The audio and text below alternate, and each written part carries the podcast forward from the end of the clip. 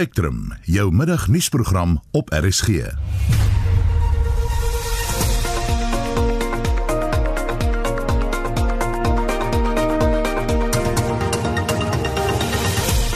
die volgende uur sommige klikswinkels is gesluit na protesoptrede deur EFF ondersteuners. We are no longer going to accept any apology which is not accompanied by justice.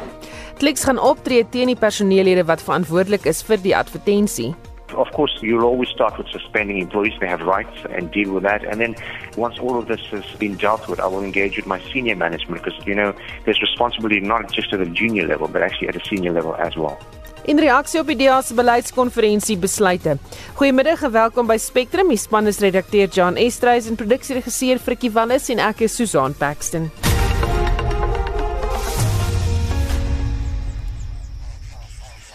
Nou sê jy reg om die slinger te draai Piet. Ek uh, wag vir hom, uh, groot man. Gee hom net 'n bietjie vuur, uh, nie te veel nie want die son is al klaar warm.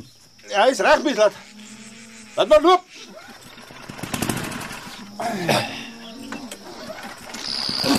Nog 'n bietjie spark, groot man. Lyk my die stink donkie wil hom weer steek sou vanmôre. Ja, ja, lyk my so. Hoe goed. Goed, draai maar.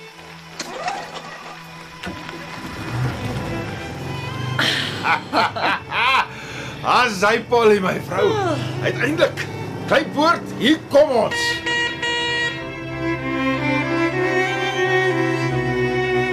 Luister vanmiddag om kwart voor 3 na RSG se nuwe middagvervolgverhaal.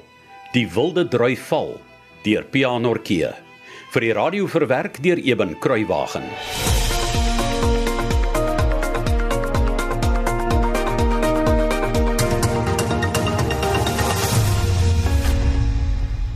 Nou 9 minute oor 1 jy luister na Spectrum en soos jy ook pas in die nuus gehoor het, verskeie klikswinkels landwyd moes vandag hulle deure sluit weens betogings deur die EFF. Twee winkels onderskeidelik in Emalahleni en Mpumalanga en Alberton in Johannesburg is met petrolbomme aangeval. Die party eis dat die winkelgroep vir 5 dae gesluit moet bly nadat 'n advertensie uitgereik is waarin swart vroue se hare as droog, beskadig en kroeserig uitgedruk word. In teenstelling daarmee word wit vroue se as glad en gesond bestempel. Die winkelgroep het onvoor waardelik om verskoning gevra vir die advertensie en gesê hulle gaan voort met werksaamhede ten spyte van die EFF se dreigemente, maar hulle forceer het meer besonderhede.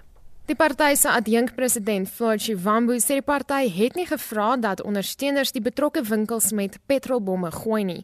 Hy het betogers buite die Clicks-winkel in Sandton, Johannesburg, toegespreek. I'm not condemning any violence. I'm just saying that the fact of the matter is that we have not commissioned for any petrol bombing of any store of clicks here. We're engaged here in a peaceful protest. If we wanted to take a different approach, we would have done so. Doodsmerk Kliksmas vol was die afgelope naweek een van die gewildstes op Twitter. Verskeie vroue sê die advertensie het hulle menswaardigheid aangetas en gereageer met trotse foto's van hul haarstyle. Personally, I found it very offensive because it used adjectives that were lovely for the white people's hair, and for our hair, they used derogatory terms. So for me, that was very offensive. I felt that it was very discriminatory because we are in 2020. You can't, as a business, be that ignorant about your dynamics. I mean, this country is majority black. I was really mad when I saw those ads. How can you view our hair like that? It's very disrespectful, and I can't believe we're having these chats in 2020. Hulle is ook glad nie tevrede met die maatskappy se verskoning nie. They need to do more than just tweet an apology. I feel like they just did it because they had to. Clicks has a marketing team that does their advertising and how are they not sensitive and aware of such issues? I'm no longer going to buy their products. An apology is not enough. I feel like they should cut their prices 50% on all natural black hair products so we can see that they're sincere. I don't feel satisfied by their um, apology, really. We're so sick of fighting one thing over and over again. I think the thing that they could do apart from the generic apology would be to add more black people in the marketing teams. Because if we boycott clicks then it means a lot of people lose their jobs. Because in most stores it clicks it's only black people working there in most cases. Die EFF het 'n lys sogenaamde regstellende eise aan Clicks gestuur in 'n brief, maar die maatskappy gee nie toe nie en die party se woordvoerder, Delisiwe Ngwenya, sê die party sal op Clicks se winkels toesak om hulle te help sluit. Their response to our letter was nothing short of condescending and revealed a lack of remorse for their attack on the dignity of black people. If Clicks does not close, our members and all the branches will shut down all 880 Clicks outlets across the country from Monday 7th September 2020 to Friday 11th September 2020. Die party se leier Julius Malema het intussen by die Mall of the North winkelsentrum in Limpopo gesê daar moet opgetree word teen diegene wat swart mense as lelik probeer voorgee. We are no longer going to accept any apology which is not accompanied by justice. We need justice, not apology.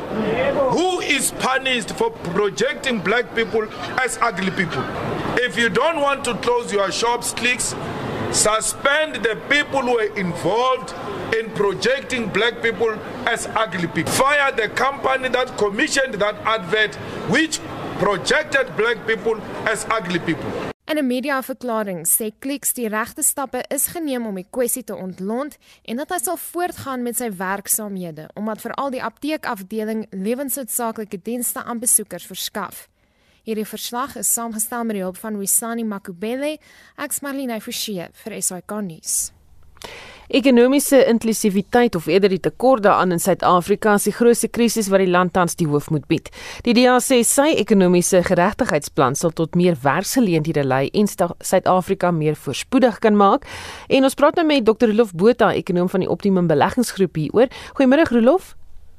Goeiemiddag Susan en luisteraars. Klomp gesprekke oor die DEA se konferensie die afgelope naweek. Eh, die DEA se plan kyk onder meer na kaderontplooiing, korrupsie, swak regeringsbestuur en apartheid. Is dit alles wat uh, ons ekonomie ondermyn tans? Ja, sonder twyfel. Ehm uh, ek, ek het nou al 'n uh, bietjie na die dokument geloer en ook van die kommentaar daarop. En dit is vermoedigend uh, ten minste dat Suid-Afrika se amptelike oppositie het wel 'n ekonomiese beleid uh wat baie meer is as wat die die derde grootste party vir hulle self kan sê. Uh wat natuurlik sy ondersteuningsbasis waarskynlik baie gaan krimp as gevolg van die um uh hierdie bankskandaal uh, FBS. Uh die mense daar by FBS het blykbaar EFT met EFF verwar. Uh op 'n ligter noot. Uh maar maar uh die Die dokument uh moet mens net dadelik sê is nie noodwendig 'n ekonomiese beleidsdokument nie. Dit is 'n ontwikkelingsdoelwit dokument. En ehm um, so so mense moenie te veel spesifieke makro en mikro-ekonomiese beleids uh soort van instrumente hierso probeer raak sien. En wat wat ek van hou is is die hierdie uh wat die Wêreldbank noem die Sustainable Development Goals met 'n volhoubare ontwikkelingsdoelwitte. Daar's 17 van hulle wat lank gelede reeds geïdentifiseer is. En dit kan uh, eintlik 'n handige raamwerk skep, maar nou moet mense ook by sê dat die DA is 'n politieke party en of hy dit nou wil erken of nie, uh hierdie party stem waarskynlik saam met 90% van wat in die nasionale ontwikkelingsplan staan. Nou, wat dink jy van die DA se besluit om weg te beweeg van rasgedrewe ekonomiese inklusiwiteit? Wel, uh jy weet Margaret Thatcher het eendag gesê daar is nie so iets soos 'n gemeenskap nie. Daar daar is individue en ons families. En dit is 100% korrek. Die hele gedagte in Suid-Afrika dat alles op 'n groepsbasis moet uh, plaasvind met 'n uh, uh jy weet uh, groepsinsette, gemeenskapsinsette, nou ook by Nedlak met die gemeenskap insette lewer. Watter gemeenskap? Uh, uh, uh praat ons hierso van uh jy weet uh uh Betty's Bay of praat ons van Waterkloof of praat ons van Soweto? Watter gemeenskap? Binne in groot stede vind mens soveel uiteenlopende groepe mense in terme van waardestelsel verskille, verskille in musieksmaak ehm uh, en dis meer in uh, om nou te dink dat dat jy nou 'n gemeenskap aanvat en daai gemeenskap nou vir die regering sê wat moet te doen is mos absoluut absurd. Die regering moet eintlik bitter min doen uh om om uh, op die terrein van ekonomiese beleid. Hulle moet toelaat dat die private sektor en die markekonomie die werk skep en die belasting uh kragopwekker laat werk. Ek wil nou vir vra wat het ons ekonomie werklik nodig om weer te groei? Wel, jy weet die die DA se dokument uh, gaan natuurlik oor wat hulle sou doen en indien hulle aan bewind kom en dit gaan oor regeringsbeleid. En uh, er was hierdie dokument sien mens baie duidelik die klem op so min as moontlik regering. Ek dink Diogenes, eh, 'n uh, voormalige uh, Griekse filosoof het eendag gesê to govern well you must govern little en ek sê 100% saam met hom. Maar 'n moderne gemeenskap moenie staat daarom ietsie doen. Maar waar hy moet begin is die die, die mens intieme vorm van ehm um, kontak met er, met 'n regering wat jou gemiddelde individu beleef behalwe om belasting te betaal natuurlik uh, is op plaaslike owerheidsvlak. Dit is waar die vullis verwyder word. Dit is waar jy uh, jou elektrisiteit en jou water by die mense kry, by die munisipaliteite en 'n derde van ons munisipaliteite is disfunksioneel en bankrot in Suid-Afrika en dit het begin by nepotisme. Die nepotisme is moontlik gemaak deur swart ekonomiese bemagtiging riglyne. En toe dit ontaard en dis nie ek wat dit sê nie, dis die ouditeur-generaal wat dit sê. Toe dit ontaard in korrupsie, diefstal en bedrog. En en, en dit moet omgeswaai word. En die enigste manier om dit reg te kry is met uh vennootskappe tussen die regering en die private sektor. Daar is duidelike tekens dat president Ramaphosa dit wil uh navolg. Ehm uh, en dit dit uh, lyk my uh, ook asof hy 'n bondgenoot gekry het in meneer Patel by Jande Nywerheid en en mededinging en natuurlik het hy baie sterk bondgenoot in Tito Mboweni. So ek dink ons moet bietjie geduldig wees en kyk of uh, meneer Ramaphosa dit kan regkry uh, saam met nasionale tesourier se nuwe groeiplan om ons in die regte rigting te stuur. Baie dankie, dit was Dr. Rolof Botha van die Optimum Beleggingsgroep. 'n Politieke ontleder, professor Somadonda Verkenny sê na aanleiding van die DEA se besluit oor ekonomiese geregtigheid en die feit dat dit behels om kleurblind te wees, is nie goed deurdink nie. Well, I do think that here there is a very serious credibility challenge which may actually have eluded the DA no matter how much they try to explain. The group experience of the black majority is a reality. Therefore, to say you are colorblind, at the same time, those who happen to be black leaders are being booted out of the party in huge numbers than any of their counterparts. It's one problem. And also the fact that in a hegemonic system, those who are already in a dominant position often quickly say, let's not use categories, rather use opportunities and other means. And the DA will find it very difficult to explain how all other countries, USA dealing with the issue of slavery, Australia, Aborigines, Native Americans in Canada, and across the world, there has always been a recognition of the group experience when you are seriously trying to transform how this is already, as you reflected, stipulated in the Constitution itself, and they say they are for the Constitution, but they will defy the Constitution on the issue of race categorization in trying to resolve the problems. They'll find it very difficult to also extend the logic because if you say so, wouldn't you say we shouldn't actually recognize women as a group experiencing a patriarchy? We shouldn't identify the Jews as the victims of Holocaust. We should just treat one individuals at a time. We shouldn't recognize youth. If you extend the same logic, it ultimately collapses everything you do.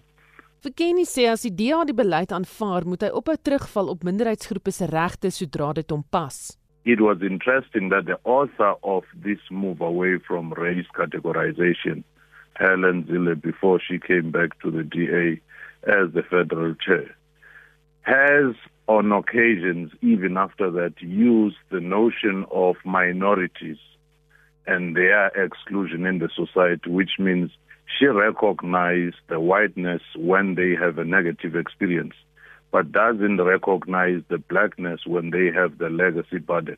Verken is ook van mening dat die nuwe beleid kiesers sal verjaag van die party af. In fact, more damaging is the fact that their own black constituents within doesn't seem to be convinced.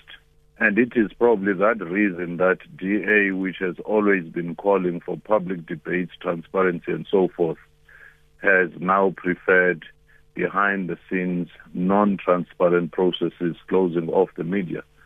And it might be the same reason why they wouldn't allow Mbalintuli and John Eustazen to debate openly because you already have the foregone conclusion as to who will be the leader of the party. Dit was 'n politieke ontleder professor Somadoda Fikeni. Ons bly by die storie en praat nou met die politieke ontleder aan die Noordwes Universiteit Dr. Andrei Dievenage. Goeiemôre Andrei. Uh, middag Susan. Wat het hoofsaaklik aanleiding gegee tot die DA se besluit van nie rassigheid wat by die beleidskonferensie geneem is? Uh, dit hou verband met die gesprek wat julle pas gehad het waarop ek op die einde ingeskakel het. En dit was 'n besluit so 3 jaar gelede dat uh, die demokratiese alliansie raskategorieë sal gebruik en in terme van hulle ekonomiese beleid hulle sal skik in terme van die raskategorieë en dit is in lyn gewees met die ANC se beleid van swart ekonomiese bemagtiging en die lyn daarvan het hulle die beeld gegee van wat genoem is in die media ANC light. By hierdie kon by hierdie beleidskonferensie is die besluit anderster. Dit is om te fokus op nie-rassigheid, om die argument te voer dat jy kan nie armoede alleen definieer in terme van ras nie. Jy moet dit fokus op die individu. Dit is dus 'n redelike fundamentele vertrekpunt wat verander word, 'n vertrekpunt van raskategorieë wat beweeg in die rigting van nie-rassigheid. In vanoggend se media konferensie die DA gesê hulle is bereid om steun te verloor vir die beleid, maar dat daar geen bewyse is dat hulle gaan nie. Wat dink jy? Wel, uh, ek dink die DA het deur 'n baie moeilike tyd gegaan die laaste 2 na 3 jaar.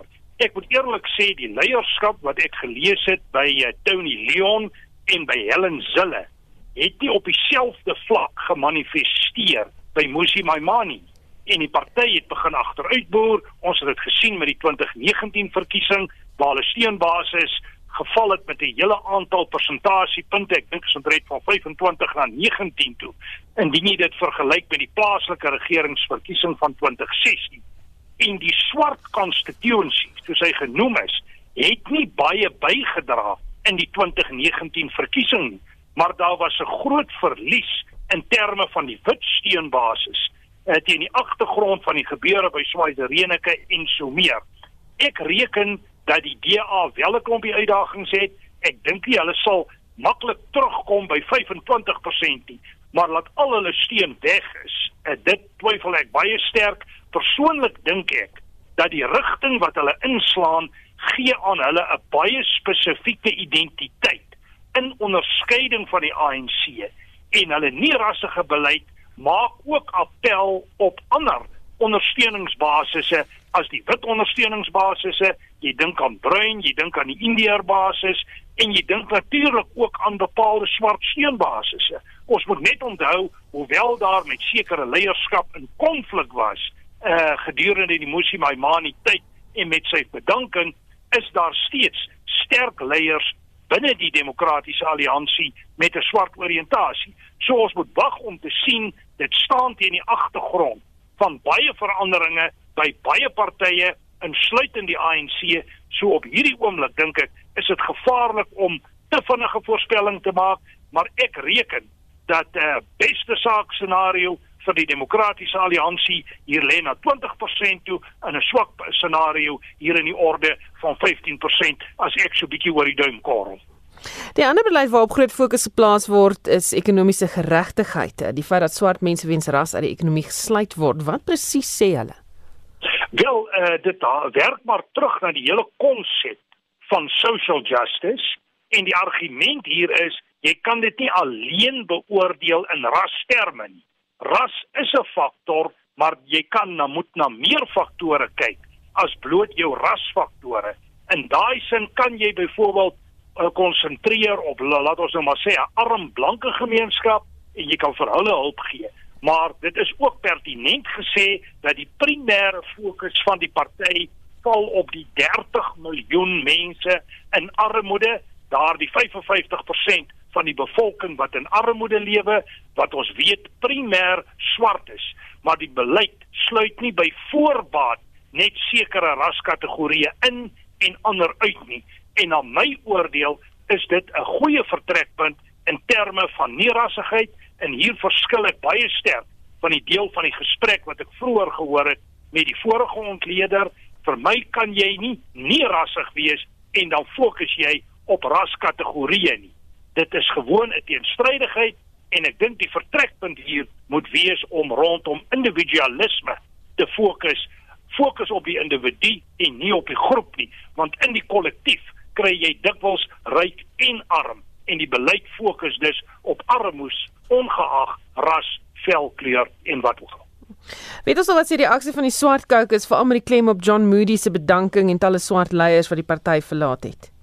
Ja, dit hang saam met daardie beweging rondom Musi Maimani toe dit duidelik word dat Musi Maimani nie presteer het met die 2019 verkiesing nie, was daar 'n ondersoek onder meer was Tony Leon deel van daardie ondersoekpaneel, Ryan Kutsie en so meer en daar is bepaalde probleme geïdentifiseer en aangespreek en van daardie probleme het gewys op die gebrek aan leierskap en bestuur by sekere individue. Musi Maimani in persoon is geteken en die resultaat was dat van die swart lede besluit het om die party te verlaat.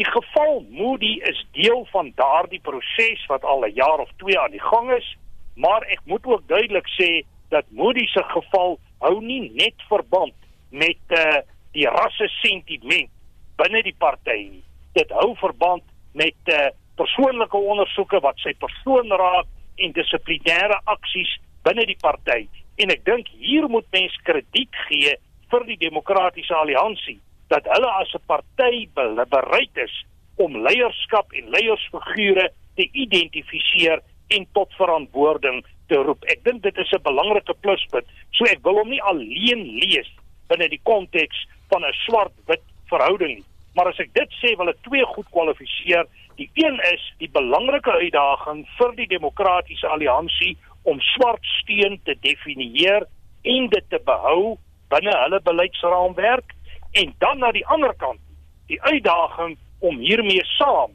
sy tradisionele ondersteuningsbasisse onder meer wit, bruin en indiër te behou.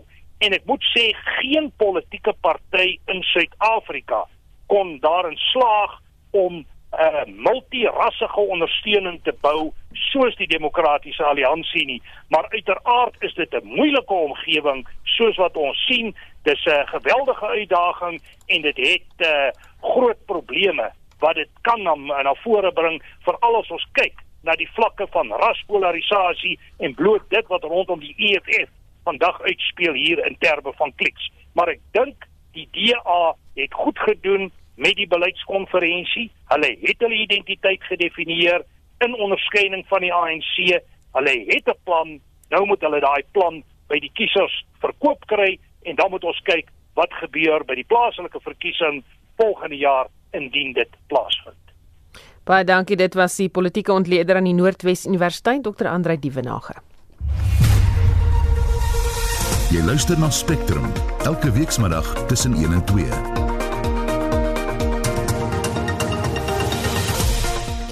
In die program die EFF eis dat alle klikswinkels vir 5 dae hulle deure sluit. Ons het met Dr. Rolof Botha van die Optimum Beleggingsgroep gepraat oor die DA se ekonomiese geregtigheidsplan. Die dokument moet mens net dadelik sê is nie noodwendig 'n ekonomiese beleidsdokument nie. Dit is 'n ontwikkelingsdoelwit dokument.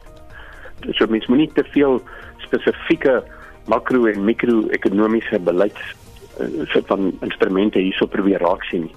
En die eerste fiksie rolprent oor die destydse uitsetting in distrik 6 word binnekort aan Suid-Afrikaanse gehore bekend gestel. Baie emotional en ek voel net you know as dit so nog met mense sit dan moet ons daarop praat.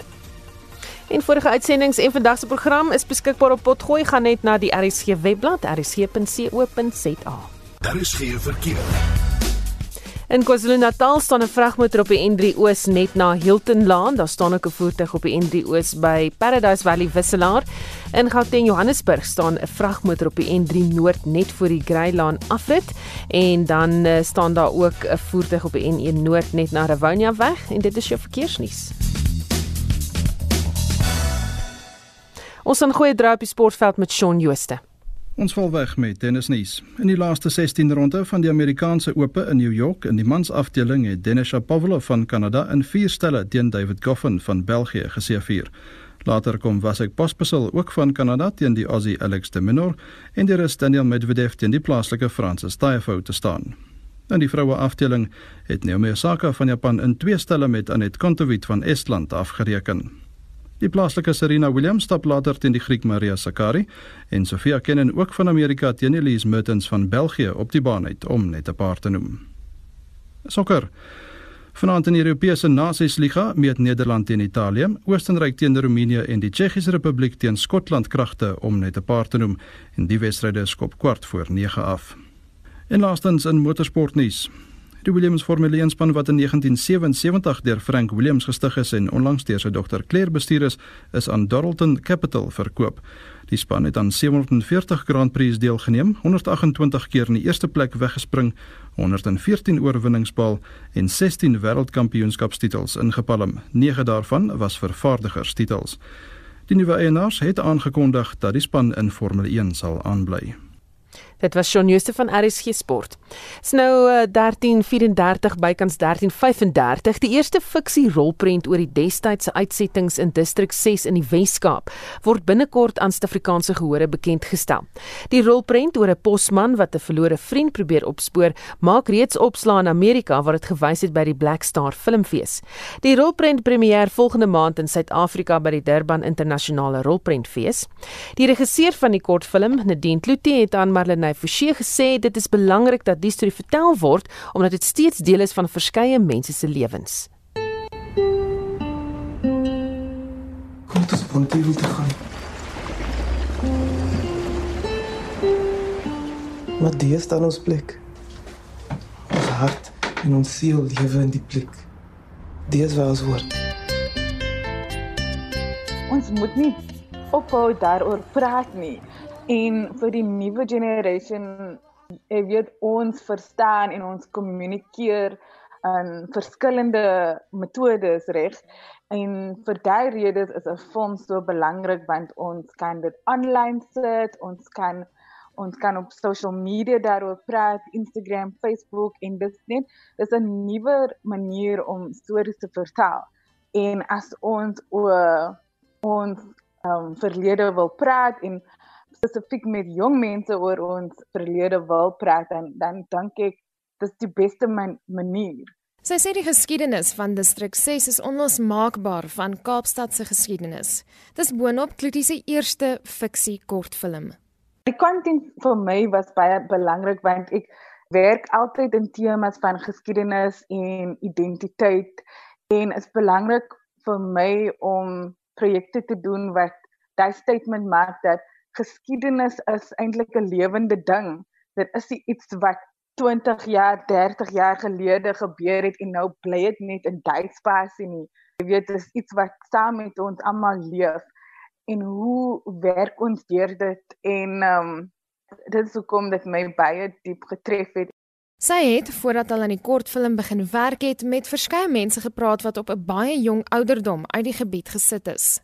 Baie emotional en ek voel net as dit so you know as dit so nog met mense sit dan moet ons daarop praat. Ek was ook baie uh, beïnvloed by um die American filmmaker Ava DuVernay en ek voel net ook en dit's 'n baie spesifieke moment as jy when they see us gekyk het dit sê sien ons sien ons stories. Address Unknown het reeds heelwat aandag getrek op internasionale vlak en die enigste kritiek is dat mense nie genoeg daarvan kan kry nie. Ja, mense sê dit moet eintlik langer wees. so dit is net 24 minute vir nou. Miskien doen ons iets langer um, later.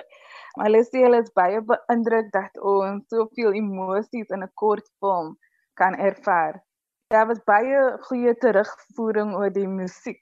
So ja, en die musiek is eintlik gedoen by die Cape Cultural Collective. So ons baie opgewonde daaroor. Dit was Nadine Klitty, die regisseur van die kortfilm Address Unknown, die eerste fiksie rolprent oor die destydse distrik 6 uitsettings. Ek's Marlene Forsie vir SAK nuus. Jy moet nie dom wees nie man. Dis nog nie my tyd nie, Nancy.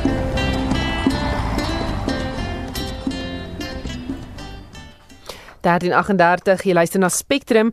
Die kommissie van ondersoek na staatskaping in Johannesburg hoor vandag getuienis aan van beweerde bedrog by Eskom.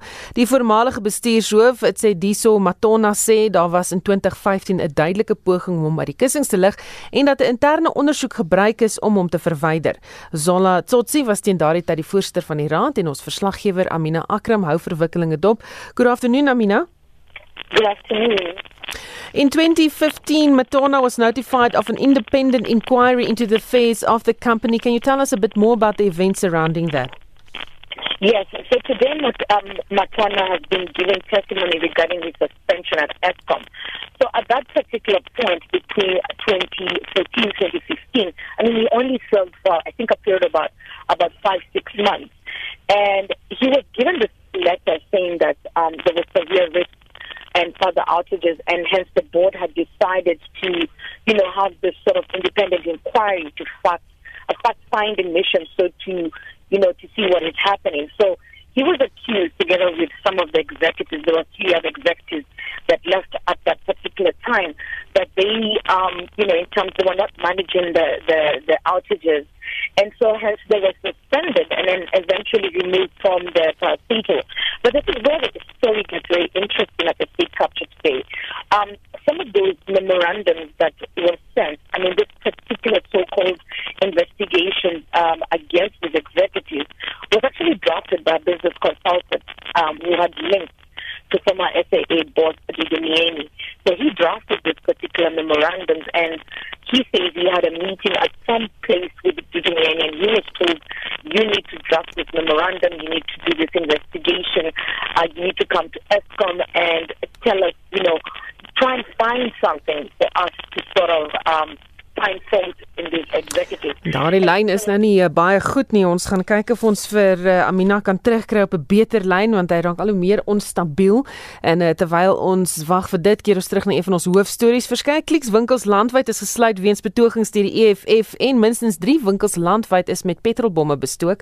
In Komani en Queenstown is een van die maatskappye se winkelrakke omgegooi deur betogers.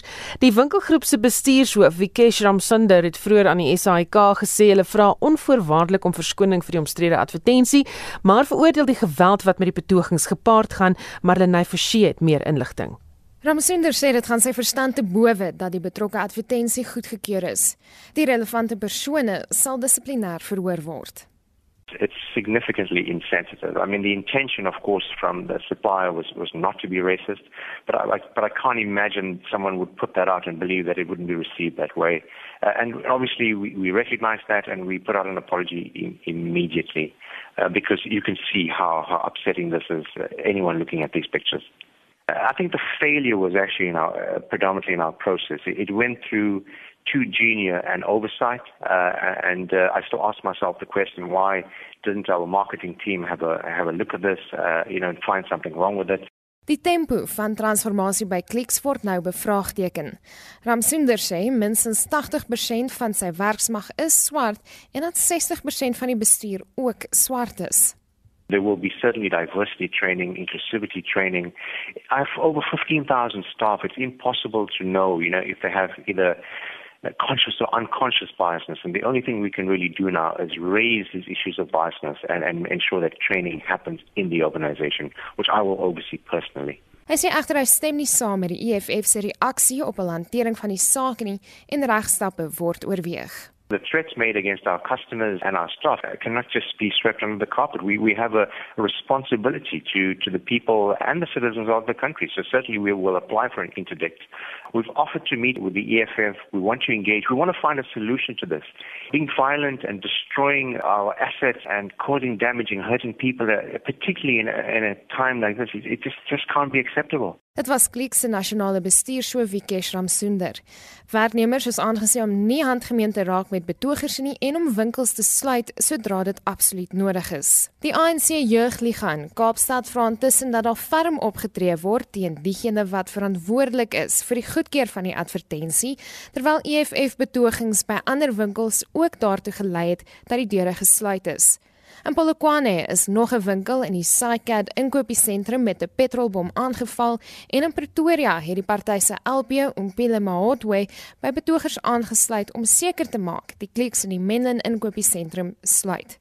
Die verslag is saamgestel met die hulp van ons verslaggewers landwyd.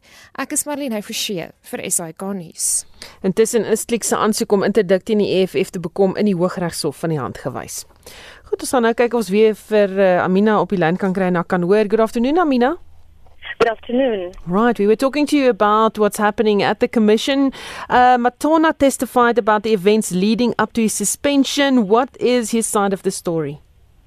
Well, his side of the story, what has actually emerged, just to summarize very quickly, is that a business consultant links, links to former SAA boss Dudu Mieni actually drafted that board resolution um, for the uh, ESCOM board suggesting that um, this particular executive at ESCOM be suspended. So this particular consultant is supposed to testify this evening, and he actually says in his affidavit that, um, you know, he was brought in and he had a meeting uh, with Dudu Mieni because Mieni said former President Jacob Zuma was concerned about the state of ESCOM and ongoing load shedding. And then it was recommended that this particular consultant was the best person for this role. So he sort of gave this memorandum, this drafted memorandums to the board, which was um, Sotsi at that point. point, and these drafts were used uh, eventually to suspend his executives at ESCOM. It's quite interesting that you know somebody who doesn't have any sort of idea of what's happening at ESCOM, especially the technicality, uh, the technical aspects of the state-owned entity that was actually drafting this resolution. So that's what has emerged with the State Capture Commission. Baie dankie. Dit was ons verslaggewer Amina Akram wat die Sonderkommissie van Staatskaping volg. Die DA het vanoggend tydens 'n aanlyn media konferensie uitgebrei oor hoe hy gaan voortbou in die aanloop tot volgende jaar se munisipale verkiesing. Die party sê hy staan vir nie rassigheid, die verwerping van ras as 'n wyse om mense, veral met betrekking tot wetgewing te kategoriseer en te behandel. Die DA het ook 'n beleid van ekonomiese geregtigheid ter tafel gelê wat hulle antwoord insluit op ekonomiese uitsluiting vir ras wat tydens apartheid geskep is. Esie de Klerk doen verslag. Twee dekades na demokrasie bevind die meeste swart mense in Suid-Afrika hulle self steeds uitgesluit van ekonomiese geleenthede. Dit is die grootste beweegrede vir die DA se beleid vir ekonomiese geregtigheid, sê die party se beleidshoof Gwen Ngwenya. Kind of everyday analysis, or the analysis that some would like to try and lead us towards, is the analysis that says that the single reason for why there is economic exclusion in this country is because of white monopoly capital, can achieve two noble goals, ostensibly to achieve redress or economic inclusion, and also be able to push forward with the initial democratic really dream of a non-racial South Africa. Why would we not want to do both? And so this policy starts off with those two very ambitious aims to create an empowerment policy for the country that both is informed by non-racialism and to um, address the challenge of economic exclusion. Die DA sê dit is belangrik dat die kernpunte van wat ekonomiese uitsluiting veroorsaak geïdentifiseer en dan aangespreek moet word. En dit is presies wat die beleid doen.